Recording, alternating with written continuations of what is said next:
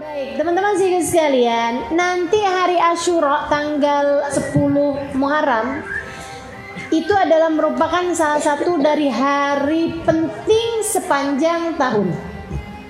Ada banyak hadiah-hadiah indah yang Allah Subhanahu wa taala berikan kepada nabi-nabi yang terdahulu diberikannya tepat pada tanggal 10 Muharram. Apaan yang mesti dilakukan? Ada tiga hal maksudnya ada tiga tingkatan.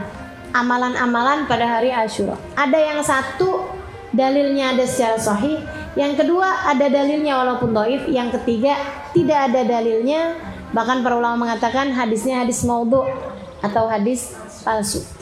Yang ada dalilnya secara sahih dua hal aja teman-teman sekalian. Puasa sama atau si'ah alal iyal.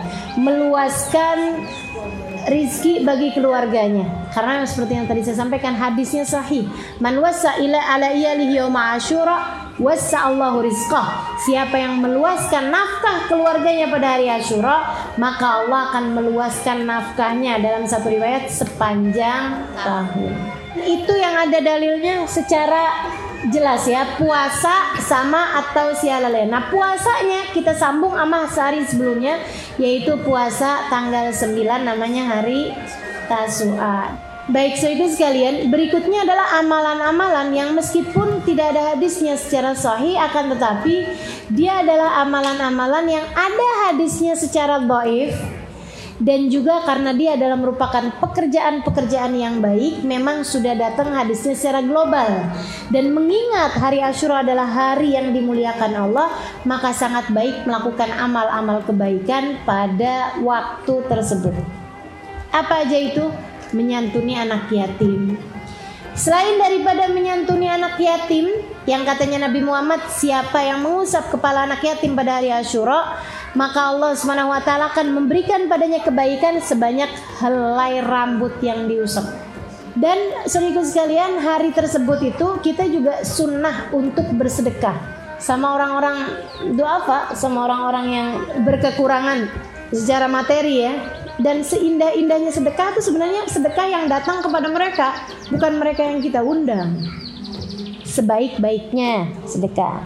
Kalau memungkinkan, nah lebih baik seperti itu. Nah, teman-teman sih sekalian, selain daripada itu bagus juga hari itu untuk kita berdoa dan berzikir. Doa dan zikirnya seperti yang kita tahu baca hasbunallahu wa ni'mal wakil, ni'mal maula wa ni'man nasir 70 kali dan baca doanya yang sudah ada di kitab-kitab muhul ibadah. Jangan sampai kita tinggalkan. Nah, selain daripada itu juga teman-teman sih sekalian, bagus juga kalau hari tersebut kita juga berziarah kepada para ulama baik yang sudah meninggal dunia ataupun yang masih hidup.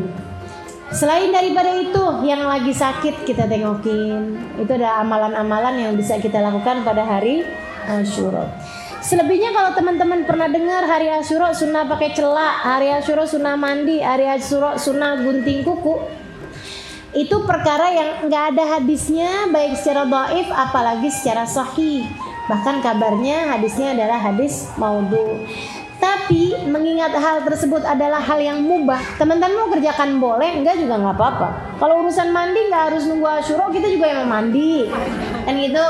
Kalau urusan gunting kuku ya kalau emang kukumu panjang-panjang hari itu kamu gunting juga silahkan. Kalau urusan pakai celak, pakai celaknya malam aja. Sebab kalau kamu berpuasa hari Asyura, orang kalau lagi puasa makruh untuk pakai celak. Jelas ya? Itu seperti itu.